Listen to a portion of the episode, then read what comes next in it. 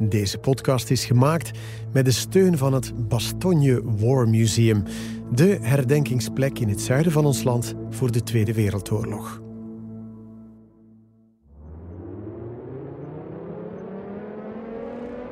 Tachtig jaar geleden woedde de laatste oorlog in onze gewesten. Een oorlog die Europa verscheurde, hertekende en waarvan we de gruwel tot vandaag proberen te bevatten: de Tweede Wereldoorlog.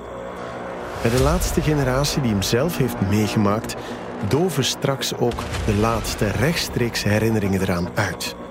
In deze podcastreeks praten we nog één keer met die allerlaatste getuigen, opdat hun verhalen nooit verloren gaan.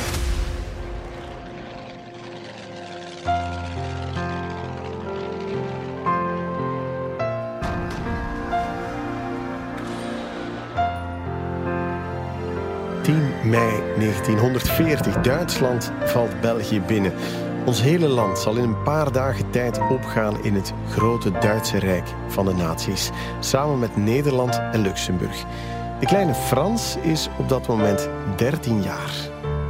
Mijn naam is Frans Goedgebeur. Ik ben geboren in Oostende op 6 november 1927 familie bestond uit zes kleine kinderen en twee grote. En we woonden in, in Oostende. Dus eh, we moesten naar school. Om 8 uur 30 was school. En uh, ja, op de speelplein. Dat was een gewoonte. Als de bellen hing, moest iedereen blijven staan waar hij stond. En de meester zei, hij stond... Jongens, er is iets ergs. Het is oorlog. En al die jongens, hey, oorlog. Was gewoon eigenlijk blij. Maar de meesten zeiden, ja, maar dat is erg. Dat is, dat is geen reden voor wat te. Want het is, de vaders van jullie moeten allemaal soldaat worden. En ze moeten gaan vechten voor het land te verdedigen. En dat was gelijk in één keer stil geworden. En toen zei de meester, kijk, je mag je nu allemaal naar huis voor afscheid te nemen van je vaders die naar het leger moest. En als ik thuis kwam, zei tegen mijn vader... Moet je ook soldaat worden? Nee, zei mijn vader. Mama, ik heb nu bericht gekregen van het ministerie... dat we er om tien uur met de bus moeten vertrekken naar Frankrijk. In België staat op dat moment de regering Pierlot IV aan het roer. Zodra blijkt hoe snel het Duitse leger over ons land heen walst, besluit ze in ballingschap te gaan naar Frankrijk, naar de nog onbezette helft. Frans vader moet mee. Mijn vader was uh, uh, volksvertegenwoordiger. Het was CVP. De CVP, zegt Frans, voorloper van de huidige CD&V, de Vlaamse Christen-Democraten. Die heette dan nog Katholieke Volkspartij. In elk geval op 19 mei, negen dagen na de Duitse inval, wordt beslist om het grootste stuk van de regering te verhuizen. Karel Goedgebuur als parlementair gaat mee met zijn gezin, zonder de twee oudste kinderen die in België op het seminarie blijven. Heel de familie mocht, de kinderen mochten al mee. Die bus kwam inderdaad, stipt op tijd, kwam die bus toe. En wij allemaal op die bus. En mijn vader zei, ja, dat is, dat is, dat is goed, dat is goed georganiseerd. Je voelt dat, dat is perfect in orde. Dus we kwamen met die bus toe in Hazebroek. Hazebroek was in Frankrijk. En het stond er een lange trein. Leeg, stond was nog leeg. En wij worden, onze bus was de eerste en mochten in de eerste wagon achter het machine. Een prachtige trein. Oh, met dikke kussens, oh, oh, comfort, prachtig. Ja, pa gelukkig. Hij zegt, we gaan nu naar het zuiden van Frankrijk. Zeg. En we gaan de, de, prima in orde. Ik weet dat. dat, dat ja, en uh, al die bussen kwamen toe, van Antwerpen, van Brussel, met al die personen. De trein, het hele parlement zat op die trein. En op een zeker moment die trein vertrok. Ja, dat, was, dat ging goed, hè. Maar één keer, die trein moest blijven staan. Er moest een militaire trein passeren die, moest, e- die had voorrang. En dan een eindje verder moest die trein achteruit. omdat er nog een trein moest passeren. En dan was en dan een beetje vooruit en dan weer eh, op een ander spoor, achteruit. En dat een paar dagen geduurd dat we weer op die trein zaten, dat dat niet vooruit ging. Waren nog altijd in Picardie, dat is juist voorbij de Noord. Die trein zet koers naar Le Havre aan de Normandische kust, niet naar het zuiden dus. Onderweg ontbreekt het de politici en hun entourage aan niets. Voor de kleine Frans is het allemaal één groot en spannend avontuur. Wij kregen brood, drinken. Mijn vader kreeg de, zijn maandloon op die trein. Ja, dat was prima in orde. En uh, op een zeker moment, die trein ja, ging dan vooruit. Maar ja, zodanig veel stoom verspild dat hij geen, geen water, het was geen water meer. En we moesten toen, iedereen moest uit die trein met emmertjes uit de grote put doorgeven voor die trein dat te vullen. Als dat, dat gedaan was, zei de machinist, kijk, we gaan juist tot het volgende stationnetje rijden. Daar is er kranen voor, voor dat water te vullen. Maar en dat station is niet meer geraakt. Niet zo onvoorspelbaar als een oorlog. Waar het ene moment alles normaal kan lijken, kan het volgende de wereld op zijn kop staan. Er was in één keer op, op die trein, was, iedere begon was er een rijkswachter met een arm en een geweer van voor naar van achter. En die rijkswachter zei, oh, zeg, pak de kussen van, onder en zet dat op je hoofd. Want er komt een vliegtuig die is gaan bombarderen. Ja, dan, die kussen op je hoofd. Hè. En één keer, ja inderdaad, bommen, juist voor de, juist voor de machine van die trein. De machine zat in die put. En als ze begon, dan kwamen we weer recht.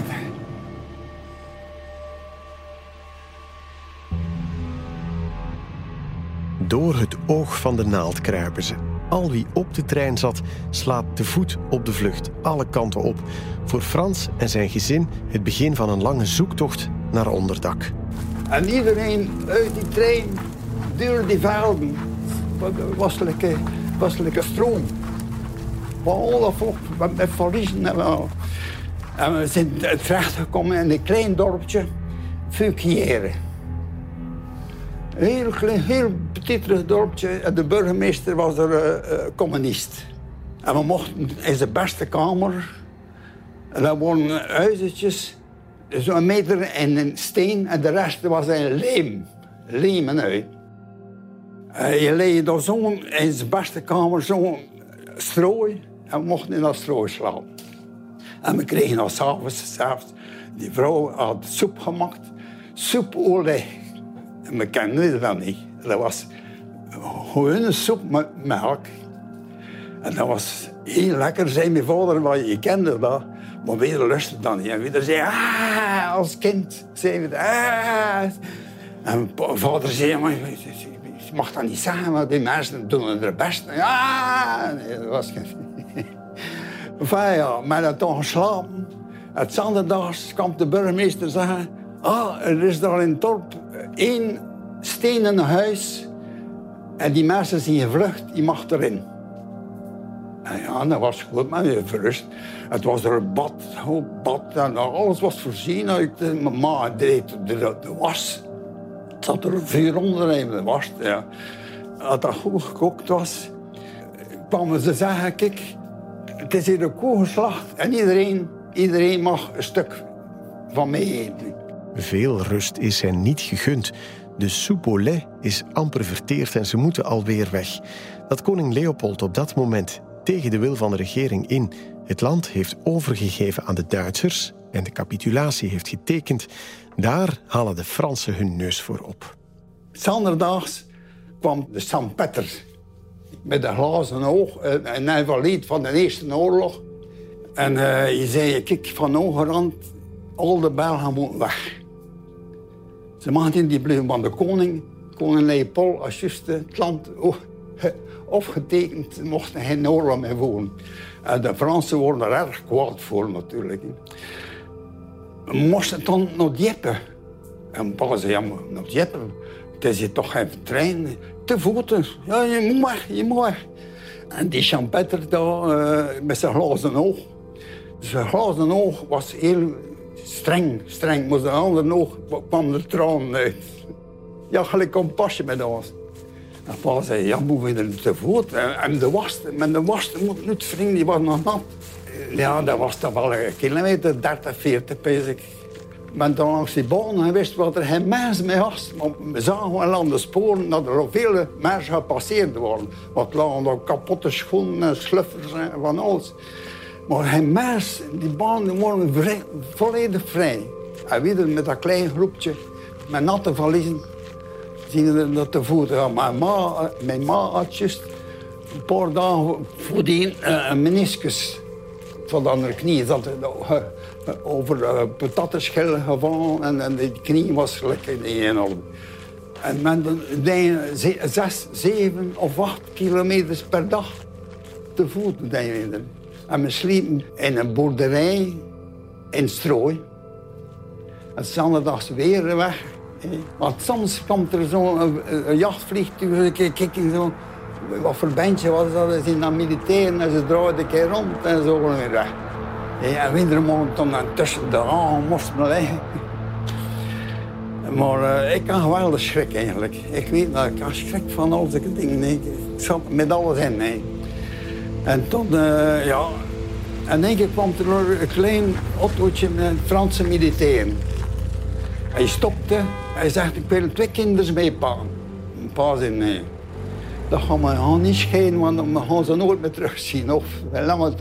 En één kwam er door de laatste bus, een Franse bus, die scheving van... Mensen stonden op de marchepied, tang. Hij stopte. En we erop. Met verliezen en. En wij daar hangen tussen de mensen. En zo zijn wij in Dieppe terechtgekomen. 30 à 40 kilometer herinnert Frans zich na al die jaren. Het waren er in werkelijkheid 70. En een grote tent, een enorme tent was het door. Het lag de Belgische militairen, alle Franse militairen, en burgers daarbij en weer daarbij. En uh, ja, zondags pas en we moeten weer weg. We kunnen dat je het front te geraden, dat begint hier gevaarlijk te worden. Hè. En uh, met de trein gepakt. Nou, ga ik zeggen, van verkeer naar Dieppe van naar Rouen. En dan met Rouen kwam, en dat was een schoon park, een pelouse, prachtig park daar. En we waren zo daar, mijn lijn is dat te slapen. En de, de, natte was en weer opengeleid. En dan En geslapen, geslapen. We hebben allemaal geslapen. Uitgenomen, mijn oudste zuster, die was wakker gebleven. Er kwam er een madame met haar kind, met een kind. En dat kind wilde met ons komen spelen. En die mensen, dat zijn zigeuners. Zigeuners, je mag er niet meer spelen. Zo zagen we eruit. Net als vandaag eigenlijk. Het beeld van wie met haven en goed vlucht voor oorlog, vervolging, armoede of geweld is in 80 jaar amper veranderd. Vader Karel Goedgebuur probeert ondertussen opnieuw contact te krijgen met de regering per telefoon pa geïnformeerd hoe dat de regering zat. En ze zaten in een visje, zo. En uh, s'nachts hebben we de trein gepakt naar Vichy. Omdat de beste dag was dat gevaarlijk. De trein werd altijd beschoten. En uh, die treinen worden overvol. De krioelen van de mensen, van vluchtelingen. Uh, man die, na, die jonge man moest allemaal naar Frankrijk heen voor soldaten worden. Mijn oudste zuster moest de juiste taal. 1, 2, 3, 4, 5, 6. Ja, we zijn er allemaal. En eindelijk kwamen we in Vichy. En dat was... Just, ze waren juist weg. Er was geen regering mee. En ze worden naar, Engeland vertrokken. Een enkele ministers. Vier ministers, al wat nog is overgebleven van de Belgische regering. Pierlot, Spaak, Goed en de Vleeschouwer zullen van oktober 40 tot het einde van de oorlog het land regeren vanuit Londen. Zij zijn al weg. Voor de familie Goedgeburen is het nu duidelijk. Hulp zal van elders moeten komen. Van een Belgische consul misschien, die volgens de tamtam een 130-tal kilometer verderop verblijft. En toen, uh, ja, die toen geïnformeerd en dan zijn er gezegd, in Macron is er rustig. Het is, zien nog niet veel vluchtelingen. Het is door een, een, een, een Belgisch, Belgisch uh, consul, ja. En uh, inderdaad, we zijn dan naar Macron gereisd. En uh, ja, ja, we kregen dan in een hotel aan de station. Mochten we dat volledig vrij, zonder te betalen. Ja, ze zagen er alle mogelijke lekkere eenden in de frigo steken. Nee, maar morgen gaan we lekker eten. Nee. Oh, dat was goed. Maar s morgens, we kregen nog koffie. Maar de hotelbaas zei, we gaan ook vluchten, we gaan ook vluchten. Want die nacht had er bommen, zijn bommen gesmeten op, de het station, op de rails. Iedereen vluchtte dan. En zegt, je mag, je mag hier blijven, maar je mag zelf koken, maar je, mag doen wat je wilt. Het is, het is voor je. Waar ze gaan, vallen de bommen, zo voelt het. En dus die verscheurende keuze. In het comfort van het hotel blijven of weer op de vlucht, God weet waar naartoe. Maar men dat niet gedaan. Men dan naar een ander huis gegaan, een groot huis die ook leeg, de vluchteling. En dan door de dag in dat huis die kwamen terug. En we moesten weer weg naar een ander huis. En we dan bij uh, een, vrouw geweest in, Macon. Die verhuurde in, in het schooljaar aan studenten. tot in september hebben we daar gewoond.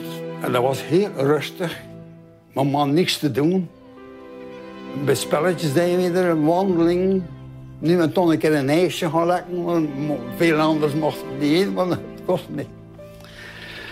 Enfin, uh, die consul had dan contact genomen met, met de Duitsers.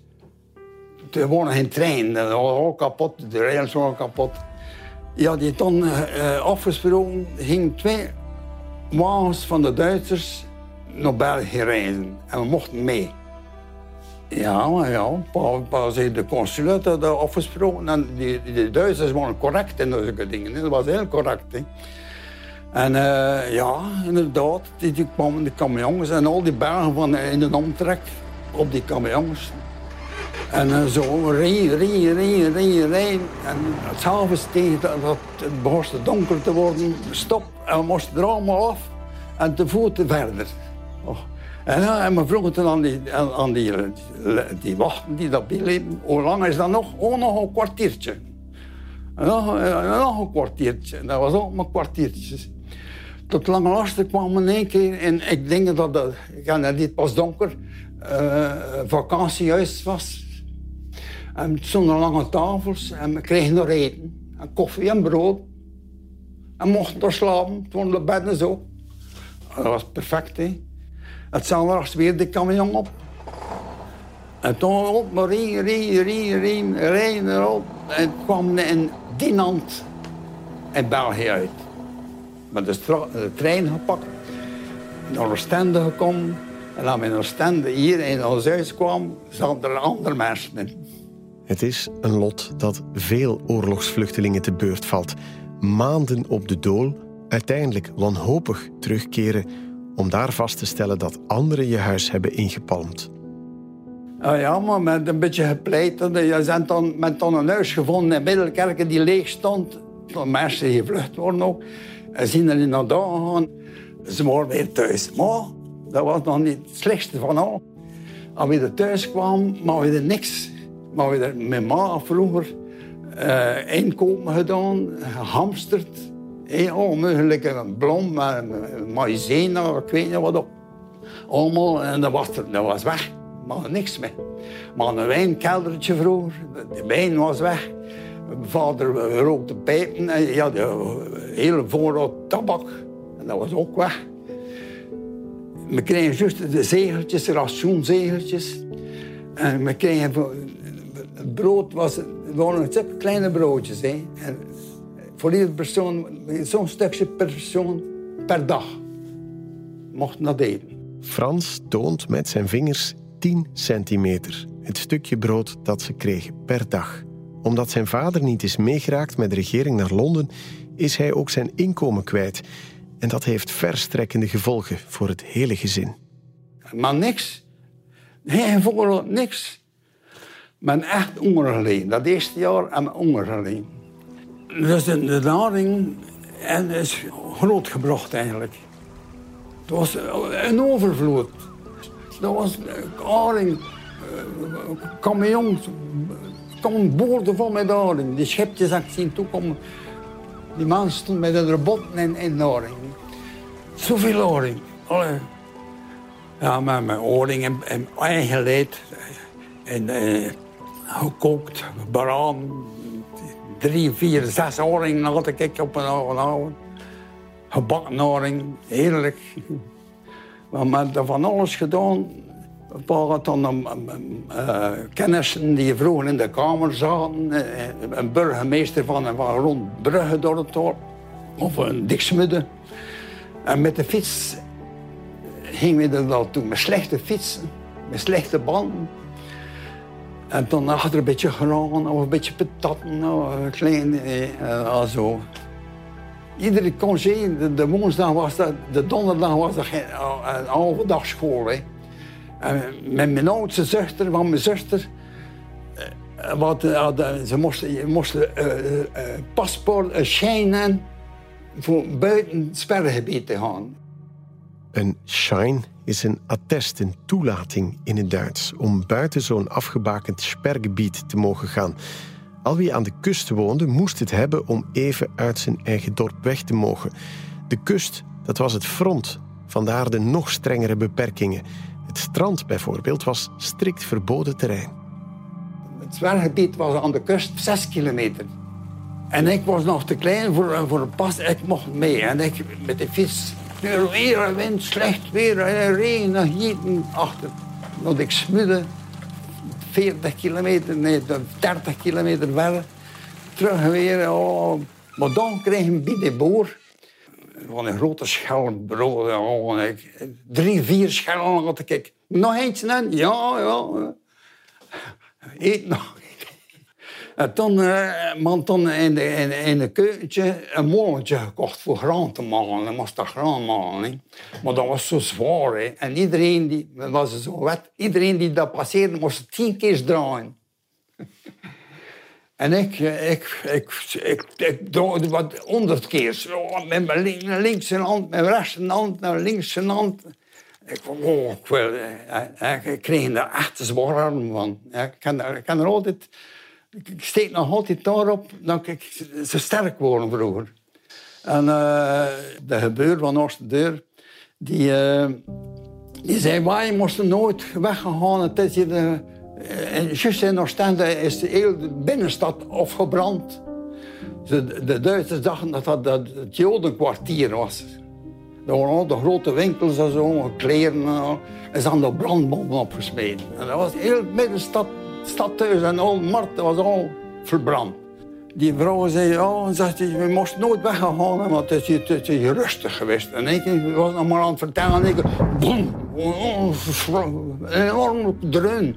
En dan was die van eh, op zee een schip, een Engels uh, kruister, die uh, schoot vlak naar de stende in uh, een, een onderzee. hoe noemen ze dat? Frans moet na al die jaren af en toe wel eens op zoek naar het juiste woord om zijn kleurrijke herinneringen in taal te kunnen vatten. Zijn zoon houdt in de achtergrond een oogje in het zeil en helpt waar nodig. Hadden een vlak ingeschoten. En dat was paniek natuurlijk, hè. het was heel paniek. Je hoorde dan die, die schoten van op zee ook. Hè. Je hoorde boem, boem.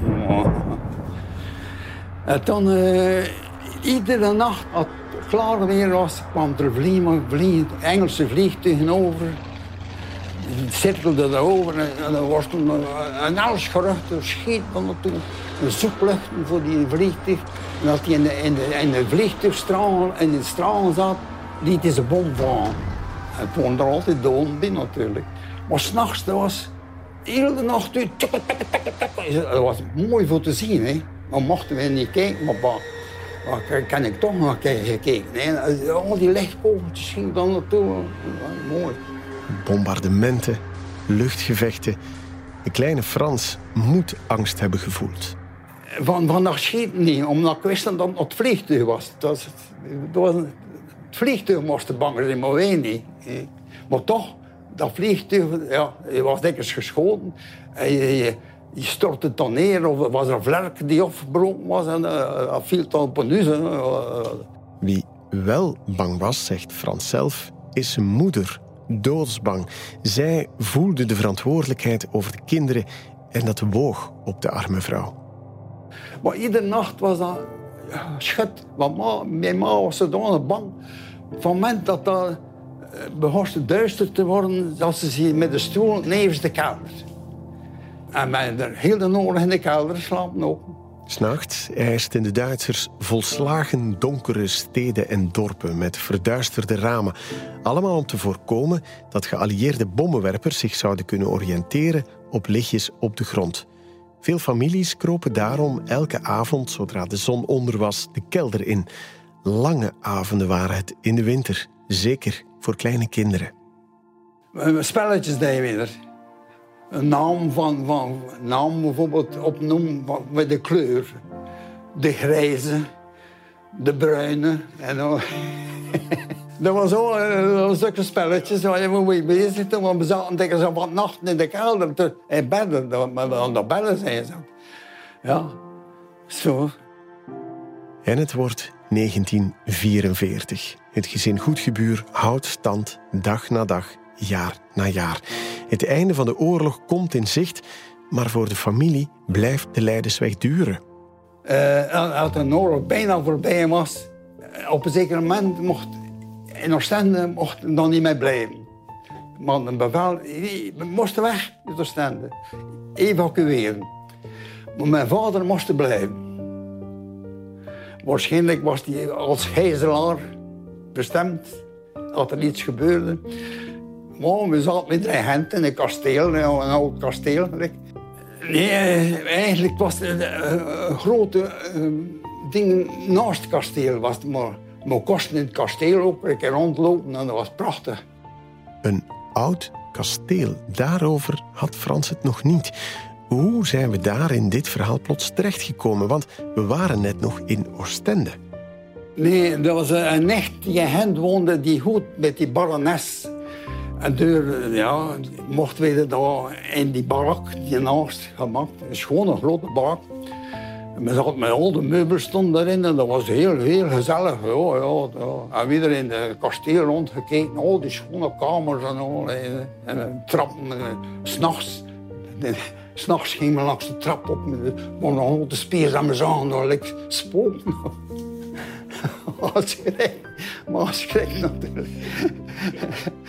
Maar uh, op, op een zeker moment mochten dan niet meer blijven, want uh, de, de, de, Duitsers, de Duitsers kwamen binnen. Ze moesten, zij, zij moesten dat kasteel in. En dus moesten we er weg.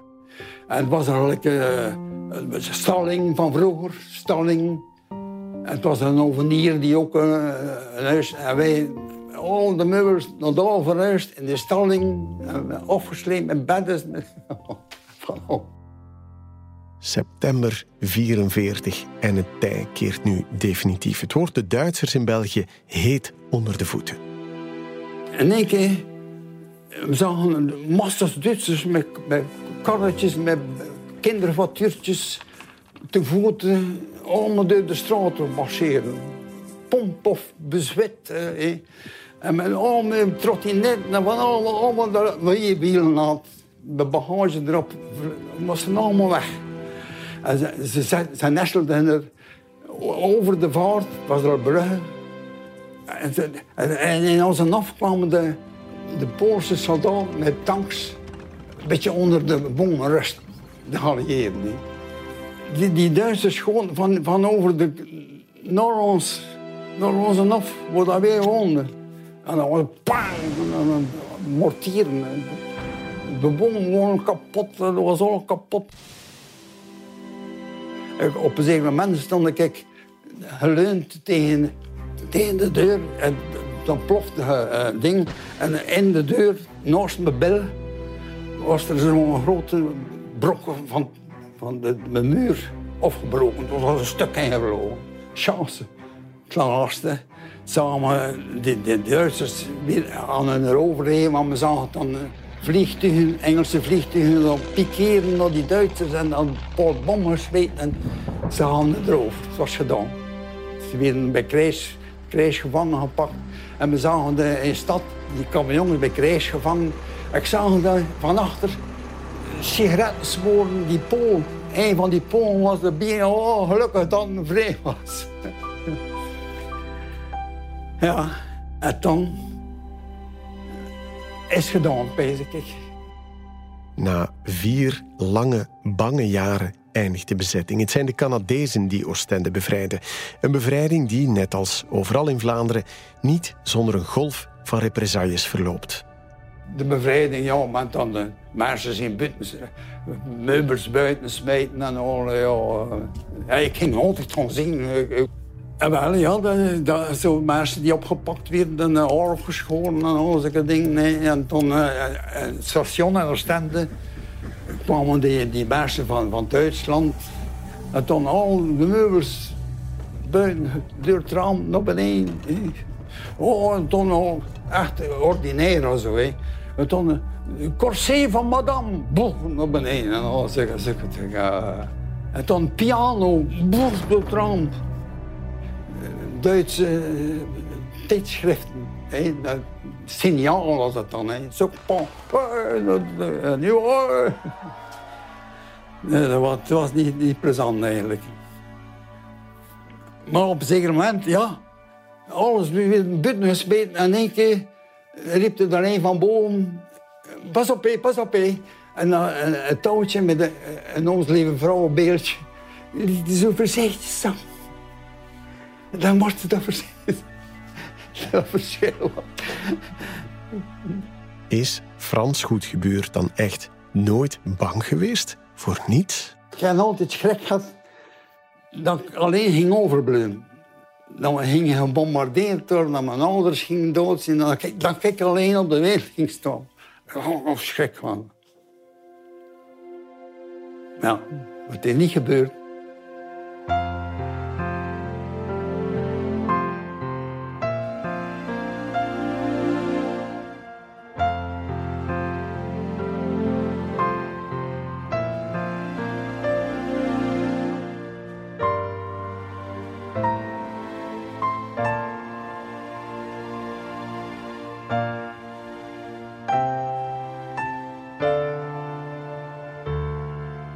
Heeft deze getuigenis van Frans Goedgebuur je geraakt? Herbeleef dan de aangrijpende verhalen tijdens je bezoek in het Bastogne War Museum. Reis in de tijd naar deze historische plek in de Ardennen. Tickets en info op bastognewarmuseum.be.